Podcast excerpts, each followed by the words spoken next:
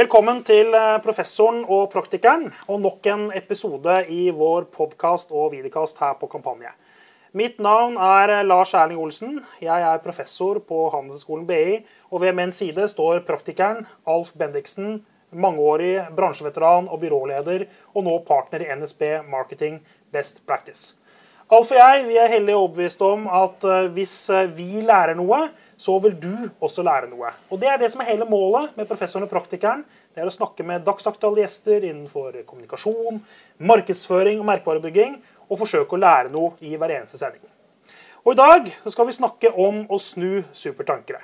Fordi store, tradisjonelle eh, industriselskaper som har råvare fra råvare til sluttbruker, de endrer ikke så veldig ofte på sin posisjonering. Men når de først gjør det, så er det veldig veldig spennende å snakke med dem og lære om hvordan denne prosessen gikk. Og I dagens episode har vi invitert eh, Moelven. og Moelven er en eh, tradisjonell trevarebedrift som egentlig leverer alt fra skog til sluttprodukt hos sluttkunder. Og De har nettopp gjort dette, endret på sin posisjon. Og I tillegg til det skal vi også snakke en liten dash om B2B-markedsføring. Og For å snakke med oss i dag så har vi invitert uh, Magne Vikørn. og Du er kommunikasjonsdirektør da i uh, Moelven. Og Magne, la oss uh, gå rett på sak. Dere er jo et stort selskap, tradisjonelt selskap, som jobber med dette helt som jeg sa, fra flis og skog og helt ned til gulv og parkett for sluttbruker. Kan ikke du fortelle oss hvordan du tenker merkevarebygging? Ja, først vil jeg bare si at uh, Du kaller oss tradisjonelle, jeg vil kalle oss tradisjonsrik. Så da er vi i gang med helt storytelling og merkevarebygging med en gang. Ja? Ja, drev på siden 1899, da. Oi, oi. Uh, og da hadde du vært tradisjonell, så hadde du ikke overlevd. Nei, tror jeg. Uh, men du er rik på tradisjoner, og da klarer du hele tiden å videreutvikle deg. Og det ligger selve DNA-et DNA til, til Moelven. Og hvordan jobber vi da med merkevarebygging, som du spør om? Når jeg begynte, da, for å komme med en historie med en gang, så fikk jeg gavepakke i fanget. Jeg begynte i 2018 eh, i Moelven. Da drev vi med og bygde verdens høyeste trehus. Ja. Eh, og å få ordet verdensrekord inn i verktøykassa når du jobber med kommunikasjon og markedsføring, det er gavepakke. Det er bare helt magisk.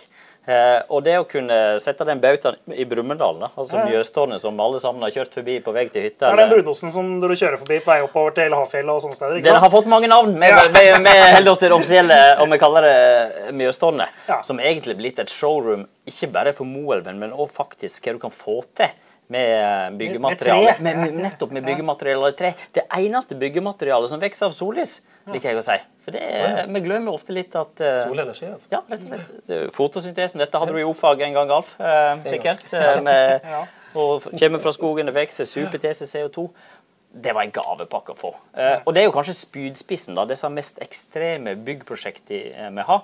Alt fra høye trehus, eh, bruer, massive, store bruer, ja, ja, ja. og helt tilbake til OL-hallene. Det var kanskje da virkelig merkevarebyggingen virkelig starta oh. før Moelven, når jeg tok den posisjonen. Eh, og bare det er jo en historie om utvikling, om ting som en ikke trodde var mulig. Så målen holdt, holdt på nesten 100 år før det begynte med merkevarebygging? er det det du sier? Eller? Nei, jeg vil si at han har drevet med merkevarebygging gjennom leveranser og produkt. Ja. og han faktisk drevet bærekraftig fra dag én av. Det første produktet da, eh, det var eh, oljekokte kjerrehjul. Mm. Men hvordan skal du få hjulet til å vare lengst mulig? Jo, du hadde tynt stålbeslag rundt.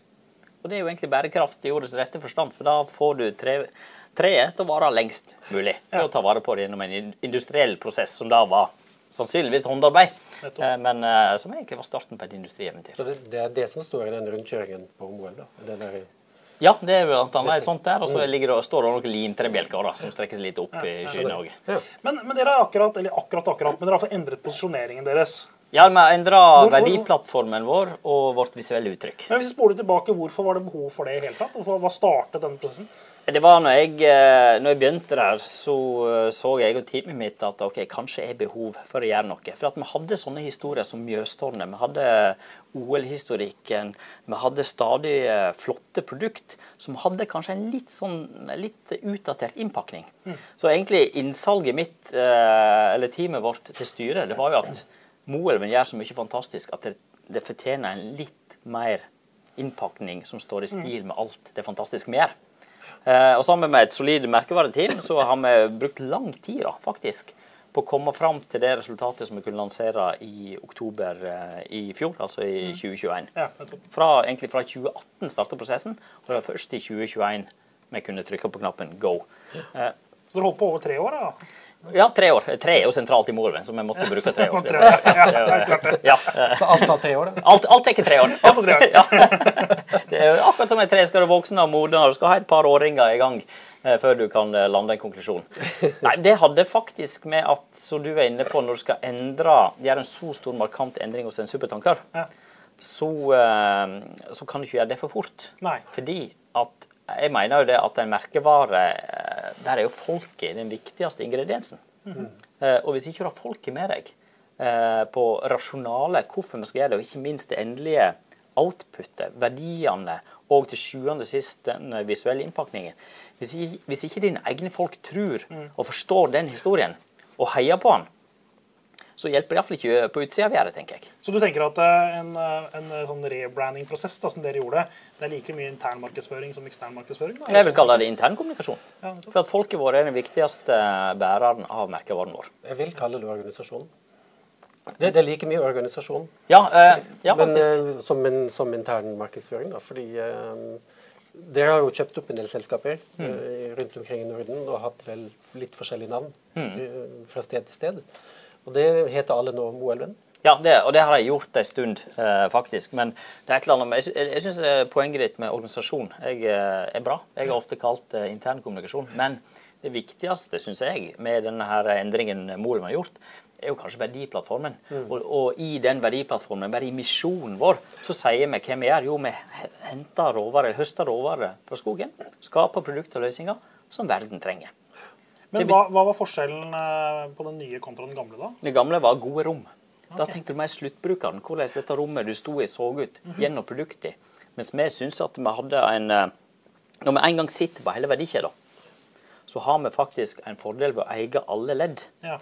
Og det er mer storytellingen med hvordan, hvor vi henter ting, hva vi gjør med det hele veien. Sant? vi får snakke med mer om det vi driver med. Ja. Så dere via egentlig ut, dere da? Ja, vi gjorde egentlig det. Samtidig som jeg tror at eh, om det så er sluttbruker eller utbygger eller entreprenør, den tryggheten med at din leverandør har vært med fra steg én i prosessen for å få den limtrebjelken opp i hytta di eller i huset ditt, den tilliten og den troverdigheten og den, den erfaringen du har ved å sitte på hele verdikjeden, og ikke minst da ha den stolte hva skal jeg si, industrifølelsen. da. Industri skjer hele tiden. Det er en, et kjempefint furugolv har blitt til gjennom en industriell prosess. Vi skal ikke være redd for å vise fram det og, og kommunisere det. For det har igjen med folket vårt. Det er de som skaper det. Ja, men, men eh, den reposisjoneringen dere gjorde, den hadde konsekvens for en ny eh, verdiplattform, og så fikk dere en ny logo ut av det. Ja. Eh, har, har det hatt andre konsekvenser? Har dere kommuniserer det på en annen måte? ja, vi jobber jo med å jobbe oss inn i den nye tone of voicen. Ja. Eh, og det, det syns jeg er litt vanskelig sjøl, faktisk. Uh, for det at uh, vi, har, vi har et par tydelige markører. At vi skal være litt eh, det vi kaller ujålete. Vi, er- vi skal være litt Vi skal ikke være Aker Brygge. Uten å bli sånn her, hva skal jeg si, uh, Vazelina Bilapuggers uten å snakke stygt om dem. Men det er et eller annet å finne den rette balansen med å være den kunnskapsrike, trygge, folkelige og nedpå. Ja. De du stoler på. De som leverer, og de som tar ansvar. Målverdier i moderne innpakning. Ja, jeg vil, Innlandeverdier i moderne innpakning. ja, jeg vil, jeg, jeg vil ikke si det, for at uh, vi er så mye større enn Innlandet. Vi er store i Innlandet, ja, men vi strekker oss eh, helt til Sverige og har 3200 ansatte. Og halvparten av dem jobber i Sverige. Ja, så det går egentlig, hvis du tenker deg skogsbeltet da, fra Mjøsa og på skrått nedover mot Vänern. Rundt der har vi hovedvirksomheten av selskapet våre. Og så har vi selvsagt et distriktskontor i Stockholm, et distriktskontor i Oslo og Bergen og litt andre plasser. Men, eh, så det er ikke typiske innlandsverdier. Vi jobber veldig Nei, med å være skandinaviske. skandinaviske. ja. Ja, for det å ha litt med Skandinavisk design, er det, liksom, er det et eh, stikkord her? eller?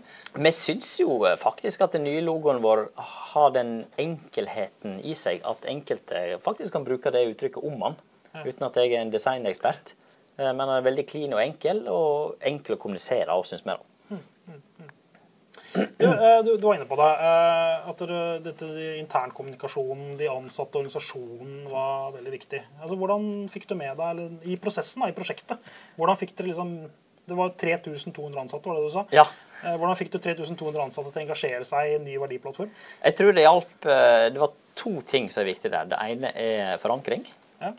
Og det andre er å være åpne. For jeg opplevde når vi begynte å nærme oss lansering, så kunne jeg få en, eh, jeg få en chatmelding fra en truckfører mm. som har akkurat fått en ny innpakking på trelasten, og spør kan jeg plassere den her på tomta nå, eller skal jeg gjemme den bak før vi skal lansere mandag. Såpass, ja. Ja. Eh, og, og egentlig de siste tre-fire månedene før eh, lansering, så hadde alle som ville mulighet til å sette den nye logoen. Eh, For vi kjørte da, eh, vi bruker jo eh, Workplace, mm. den der Facebook-varianten Ja, på internkommunikasjonsplattform, blant annet. Og, og der hadde vi en åpen gruppe. Alle som ville kunne melde seg aktivt inn og være med. Der vi forklarte okay, hvordan verdiplattformen var tenkt, hva vi mente med hver nesten enkelt ord. Her er dilemmaet rundt fargevalg. Vi valgte den fargen der for at den minner både om skog, men samtidig mer en industriell blåtone. er- Ergo det ble en TIL-farge, en sånn blågrønnish farge. Sånne diskusjoner hadde vi jevnt og trutt på det forumet. Um, Mange som var med der, da? Altså, Nei, som nå- den, dag, den dagen vi lanserte, så var 10% av alle ansatte. 10%, ja. ja. Det Eh, det, det hadde jeg ikke forventa og trodd. Nei. En tror gjerne at eh, det er de som jobber mest med markedsføring, med kommunikasjon, kanskje noen ledere eller funksjonærleddet som er mest opptatt. Men når du har 10% i et industriselskap med 3200 ansatte, så syns jeg det var, det var utrolig gledelig å se. Mm. Ja, og vi fikk ja. kommentarer, og vi fikk spørsmål. Eh, og når vi da kom til lansering, så hadde vi gjort våre interne Eller de hadde blitt vi hadde ikke gjort det, de hadde blitt sjøl ved å engasjere seg. Ambassadører. I tillegg så lagde vi også en pre-kit til selgerne. Det verste jeg, eh, det jeg frykter aller mest, er jo at når en, eh, en av våre salgsledere er ute på en byggevarehandel, eh, og så får han spørsmålet fra den lokale byggevaresjefen hva er det Moland har funnet på nå? Hvis den salgslederen ikke kunne svare for seg da, Ja, ja. så hadde det vært en fallitterklæring. Hvordan gjorde dere det? ja. Nei, Vi lagde et sånt lite kit da, eh, til salgslederne. Her er litt om verdiene våre. Her er grunnen til at vi valgte den fargen. Egentlig mye gjenbruk fra det vi hadde i, eh, i den Workplace-gruppa og i selve prosjektet. Det er altså De spørsmålene du fikk, kunne du da på en måte Ja, litt igjen? sånn FAQ, da, faktisk, eh, til ulike eh, nøkkelgrupper som jobber med, som nettopp da ville være våre ambassadører utad igjen. igjen. Hvis ikke du har kledd opp folket dine, så tror jeg veldig lite på å klistre opp T-bane og, eh, og store vegger med en ny merkevare, uten at du har gjort den legworket intent. Det, det, det er kjempeinteressant, for Min erfaring er at når store selskaper ofte skal gjøre sånne rebranding-prosesser, så er det kjempehemmelig. Og så skal Ja. det liksom nærmest avdukes. Ja, og den, den feelingen der satt vi og kjente litt på. I starten så var vi litt sånn Å, kan vi dele dette her? Og det er jo den gylne regelen at alt du deler internt, må du risikere kan havne eksternt. Ja, ja. Det er innenfor kommunikasjonsfaget. Sånn er jo det. Så er det. Eh, Men så tenkte vi ja, men er det så nøye, da? Vi må jo vise eller For det første har vi tillit til folket vårt. De er jo på laget vårt. Mm, Hvorfor skal ikke de høre om gameplanen vår? Hvorfor skal ikke de forstå den nye drakta vår? Spennende. Hvorfor skal ikke de forstå eh, filosofien bak sånn og tenkt på? Men vi kjente litt på den. liksom, Kan vi legge ut noe? Og så tenkte vi ja, det er ikke Ja, fordi kommunikasjonen her går gjennom alle de kontaktpunktene dere har med kunder, da, sant? og det er de ansatte. Ja. Og hvis de ikke er med, så får du ikke til dette her. Jeg opplevde det en gang vi skulle bytte navn på en butikkjede. Det er over ti år siden. Og så var det selvfølgelig en butikk som skulle bytte navn før alle de andre. Og da måtte jo alle butikkene i det distriktet bytte navn, for de skulle åpne en ny butikk før nyttår, og alle skulle bytte navn i januar. Og da hadde, var det ingenting som var klart, så ble vi to eksterne konsulenter sendt ned sier ned da, sendt, sendt til der dette skjedde. Og, så, og vi hadde ikke Vi hadde absolutt ikke noe materiell. Vi visste ikke hva vi skulle si. Vi trodde vi visste hva vi skulle si, men vi gikk ikke inn og sa se hva vi skal gjøre. da. Så vi spurte dem hva syns dere vi skal gjøre da. Og så kjørte vi hjem, og så fikk vi en telefon, og så tenkte vi nå nå har det gått til helvete. og så sier han så som var distriktssjef at eh, vet dere hva Alle ble så imponert. Og vi bare så på hverandre. Hva var det som skjedde nå, da? Jo, de ble involvert. Ja. Og det, da lærte jeg den der forskjellen på hvis, hvis vi hadde hatt som mål at vi skulle imponere, så hadde vi sannsynligvis ikke lyktes. Men fordi, sånn som dere gjør, fordi dere involverer, så blir folk med. Og da, da blir de ambassadører, sånn som du sier. Men det var en læring for oss òg, altså. Eh, fordi at eh, vi har et fantastisk merkevareteam med en god balanse der, der vi har noen erfarne, og så har vi noen litt yngre utålmodige, eh, som gjerne vil hoppe rett til det. Ja, ja. Men det å ta seg faktisk den tiden, både med å tenke seg godt om, spille på den, det sterke innholdsmiljøet vi har òg, for jeg tror det er et eller annet med den eierskapet vi sjøl hadde til vår egen identitet. Den var helt avgjørende. Ja. Vi jobber kjempegodt eh, med byrå, for all del. Og de utfordres på det rette eh, triggerpunktet, som de skal gjøre. Samtidig var det et veldig tydelig eierskap at hvis ikke vi kjenner at eh, drakta passer oss, så vil det iallfall ikke passe alle de andre som skal være bærere av henne. Eh, og, så det å ha den tålmodigheten i sånne prosesser, det syns jeg var nesten litt smertefullt til tider. Men det viser seg ettertid at det kanskje er en av de største læringseffektene vi hadde. altså. Ja, hvis du skal holde på eh, langsiktig merkevarebygging, så er kanskje tre år ikke så lang tid. I hvert fall et konsern fra 1899. Nei, og vi ser jo bare det at vi driver og ruller ut ennå. Vi satt, ga oss eh, ett års tid. Ja. At vi, fra, vi kjørte 18. 18. oktober 21 var i gang. Og 18. oktober, eller oktober-ish da, 2022, da skal vi være ferdig. Og det har jo litt med den bærekraftsgreia òg. Kan ikke bare hive de helt nye jakkene.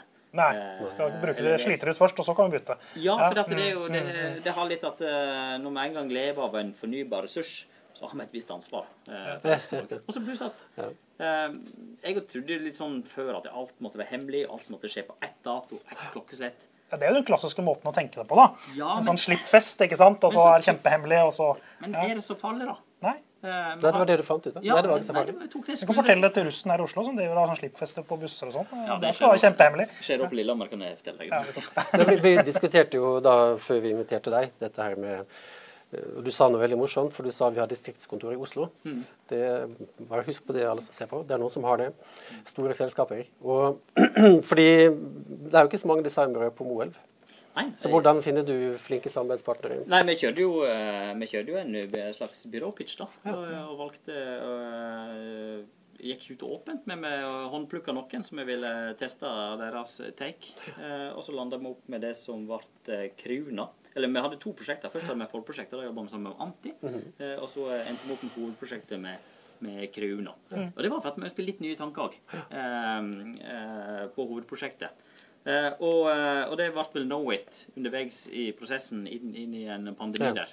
Um, Ja, den bytta navn, ja. ja. Eh, og uh, der fikk vi masse god hjelp. Uh, og så møtte vi òg byrået med et veldig sterkt innholdsmiljø. Eh, for jeg mener at identitet er ikke noe du kan sette ut på anbud. Nei. Identitet skal du få hjelp til å raffinere, Ja. slik at du Ja, ja, ja. kjenner deg eh, hjemme i ditt eget hus. Men selvsagt uh, få det ytre blikket til å løfte fram. kanskje Det er utfordrende å stille spørsmål, er viktig, men det å få noen andre til å lage identitet, det virker jo litt ja. underlig. Og jeg må jo bare si sjøl at når når jeg satte i gang dette prosjektet, så tenkte jeg ja, målet vi driver med bærekraftige ting, vi skal være grønne. Og så eh, sto vi på kontoret mitt en dag, jeg og teamet mitt, og så når vi bruker så lang tid, så får du knekt ned en del av disse her umiddelbare tankene. Bare i verdiplattformen så har vi valgt å fjerne ordet bærekraft. Ok.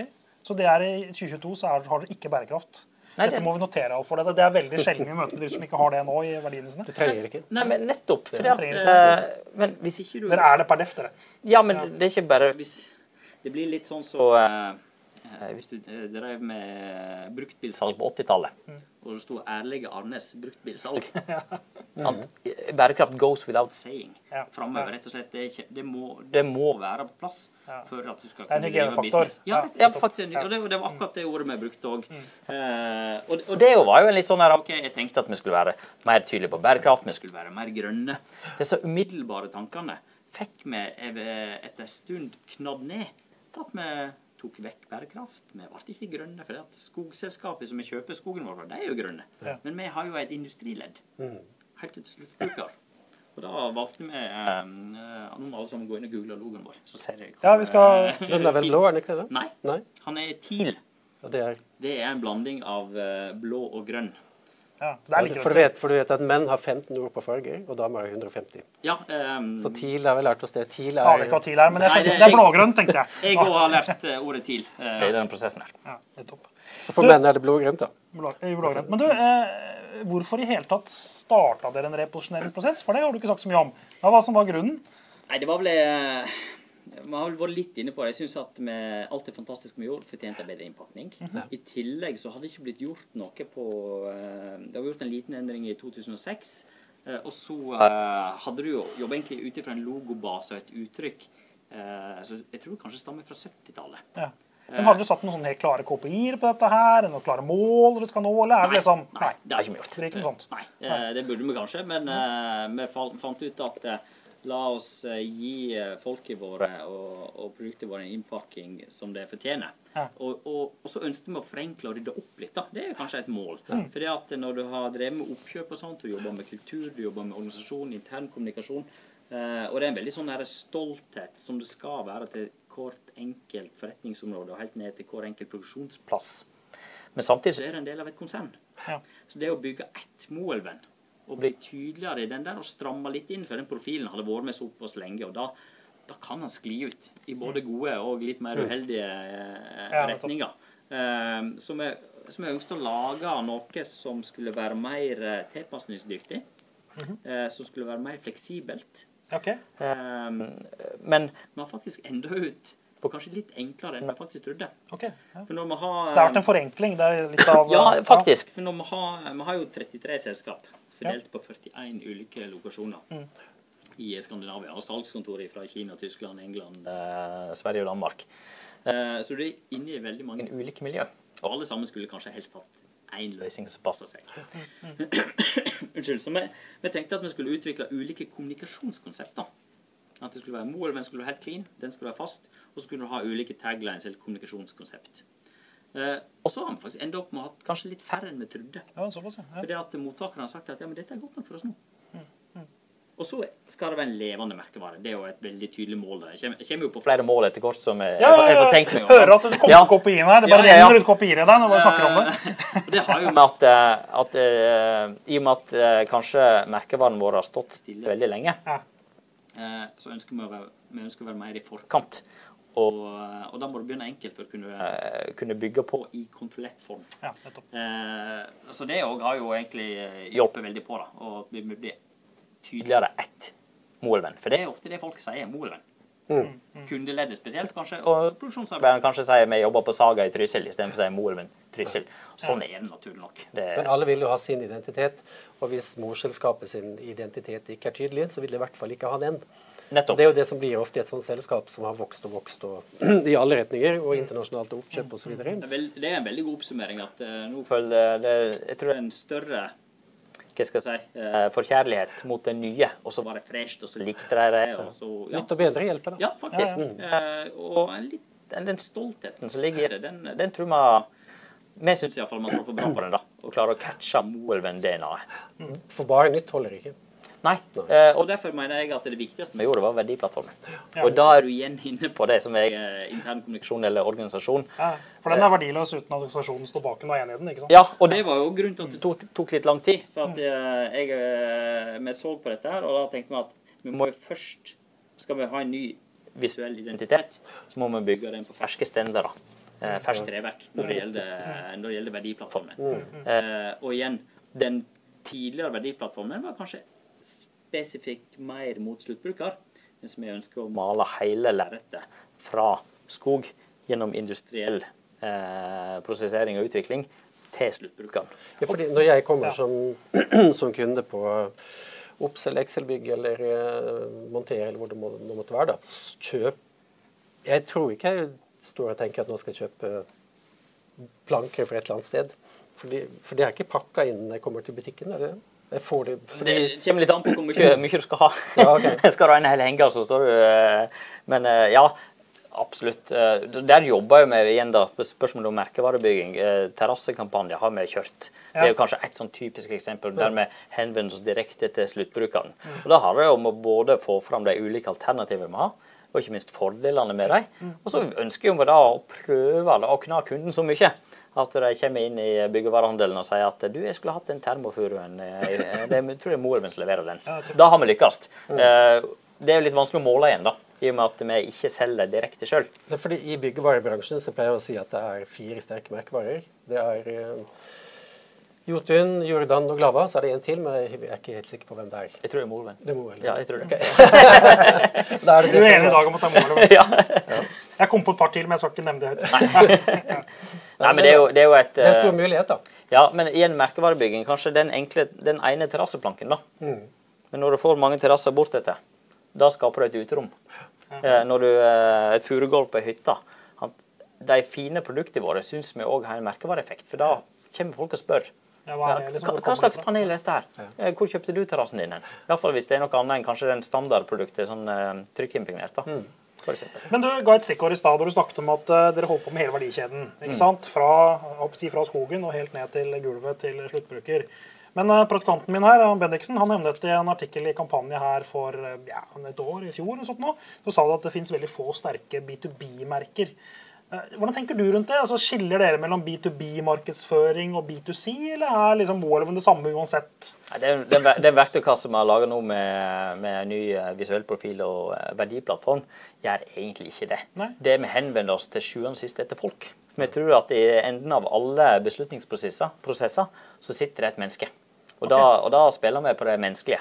Eh, og så er jo Moelven eh, jobber jo veldig mye med relasjonssalg. Så jobber vi nå med å konvertere stadig mer over til å i tillegg få et digitalt støttehjul. Eh, Men egentlig så det er til slutt mennesket. Sluttbrukeren. Om det er en beslutningstaker eller en golvlegger. Så for deg så er B2B B2C det er meningsløs eh, Ja, og så er det litt måten vi har organisert på. da. Eh, Nå har vi gitt selskapet selskapene våre og de ulike markedsavdelingene verktøykasser. Og de er jo naturligvis opptatt av eh, å ta i bruk det de trenger for å henvende seg til sin kunde. F.eks. til en industrikunde. Eh, så er det ikke sikkert at de trenger så mye, eh, så mye boards på T-baner. Eh, mens eh, de som jobber inne i terrassemarkedet, der vil du se oss på, eh, på Instagram og på Facebook og, og litt i de kanalene der. Så det er jo tilpasning, men til sjuende og sist så har ikke vi en veldig sånn klar skille med det er egentlig en Ja. del av daglig drift. Hva tenker du, Alf, du som har holdt på i 100 år? Nesten like lenge som Moelven. Ja. Hva er forskjellen eh, mellom B2B og B2C her? Du har jo skrevet at det ikke finnes B2B-merkevarer. Nei, det er jo ikke det jeg har skrevet. Men Nei, det var ikke det du skrev, men det det var det jeg tok ut av det. Det er dette med etterlatt inntrykk av hva du har sagt. Men, eh, men jeg, jeg vil jo tenke sånn at eh, det, For dere selger jo gjennom kjeder og gjennom entreprenører. Og til direkte, Og direkte, til, til profesjonelle ledd, og vi selger til entreprenører og utbyggere. og sånt. Så vi, har, vi er inne i så veldig mange forretningsområder, så det er ikke én sånn oppskrift som passer alt. Nei, men dere har forskjellige virkemidler. Det har dere. Absolutt. Ja, ja. absolutt, ja. Men jeg vil jo tippe at mesteparten, uten at jeg vet, av salg av de plankene dere selger, Mm.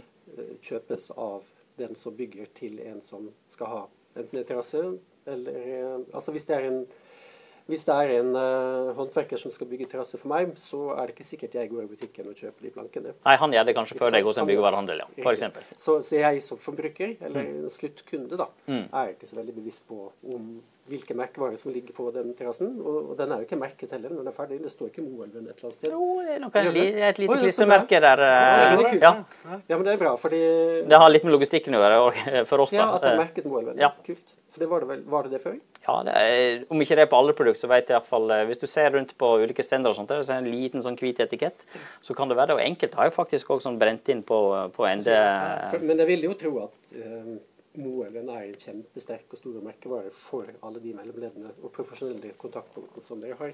Absolutt. Fordi dere har vært der i uh, 123 år, så vidt jeg kan regne ut. Ja, Godt regna. Og så En, to, tre. Ja, igjen. Tre, vet du. ja, Da blir det 123 år forever, da. Ja, og det, men, det, men merkevarebyggingen i det leddet der er jo at jo, vi har det produktet de trenger, Ja. snekkeren din. Eh, vi har den tilgjengeligheten Mm. den trenger. Og å har den kvaliteten og den styrken som gjør at du kan både bygge høyt og lågt og sterkt og bredt. Eh, og vi er jo eh, sannsynligvis markedslederne i Norge. I Sverige er det en litt annen. Der er vi kanskje litt mer utfordra inn i andre segment og sånt. Så der har vi kanskje mer å hente for å få den samme merkevareposisjonen Mm. som vi har hatt i Norge. Jeg har jo en del eh, kollegaer som driver og forsker veldig mye på dette med B2B-markedsføring. Og de syns jeg er veldig ofte opptatt av økonomisk teori og eh, langsiktige kontrakter og alt. Liksom nesten så det er en robotprosess, dette med å selge mellom eh, profesjonelle. da. Men du sa noe veldig spennende i stad, for du sa at du til syvende og sist er det mennesker som, som er også profesjonelle innkjøpere. Liksom, kan du utdype litt rundt det? Jeg tenker at Hele den setupen vi har i da, med en ny verdiplattform, den er jo laget for folk. Eh, visuelt uttrykk er jo laga for å tiltrekke seg folk sine blikk. Og til sjuende og sist, er enden av alle beslutningsprosesser. Så det er veldig sjelden du møter med en robot, tror jeg iallfall. Ja. Det er alltid et eller annet menneskelig som skal gjøre inn der. Og da, hvis du har klart å fargelegge dette med en liten storytelling, et lite avtrykk i en eller annen retning, så har du egentlig drevet med en slags påvirkning av en markedsføringsprosess. Det er, så henvendelse til folk, til sjuende og sist, det tror vi veldig på. Så selv en innkjøper i offentlig sektor er et menneske? når det kommer til siden Ja, jeg tipper at den innkjøperen i offentlig sektor er opptatt av bærekraft, eh, jobber med fornybar materiale. Sant, og, eh, Og til- kanskje har en Moelven eh, furugull på hytta si. Ja, og kanskje det, og syns det er kult at et norsk eller et skandinavisk selskap har bygd verdens høyeste. Nei, strålende. Ja, hva har du lært i dag, Alf? Jeg står og skriver. Du står og skriver over der. Nei, altså, jeg syns det var et par veldig interessante ting her, Magne. Og eh, jeg beundrer jo den merkevaren som dere eh, eier og har, eller som dere er, altså Moelven, og har et godt forhold til den. Eh, Men det som jeg syns var eh, morsomt, her, sånn, det var da vi snakket om dette her med hvis du het Jeg har et annet eksempel. da. Hvis du heter Deutsche Demokratische Republikk, så er du sannsynligvis ikke demokratisk. Så det hjelper ikke å hete dem. Og det, den medisinen har dere tatt inn i kjerneverdiene. For dere er jo et selskap som er basert på bærekraft. Fordi trær vokser. Du sa sollys, jeg vil kalle det for solenergi. Og det er jo samme Ja. greia. Men sollys er mye mer tilgjengelig enn bare en solenergi. Så men derfor har dere valgt å ikke ha bærekraft som en kjerneverdi, fordi det er jo en del av DNA-et til hele selskapet. Mens alle de som ikke har det, de må legge inn det navnet sitt for å kanskje bli oppfattet som det. Det tror jeg veldig mange har noe å lære av dere. Men det er blå, blågrønn, da. Så litt, Ja, det litt grønt. Ja, det er industri. TIL var det. TIL. TIL var fargen, ja. ja jeg har lært for det også. Eh, tusen takk, Magne, for eh, spennende innsikter. Mange artige ting. Jeg har lært én ting i dag, og det er det at i treindustrien tar alt tre år. Eller kortere. Men eh, takk for eh, til dere også som så på. Og så må dere huske, dere som ser på eller lytter til oss, eh, legg oss til, følg oss i den eh, podkastplattformen som passer deg, slik at du får varsel når vi kommer med nye episoder. Tusen takk for i dag.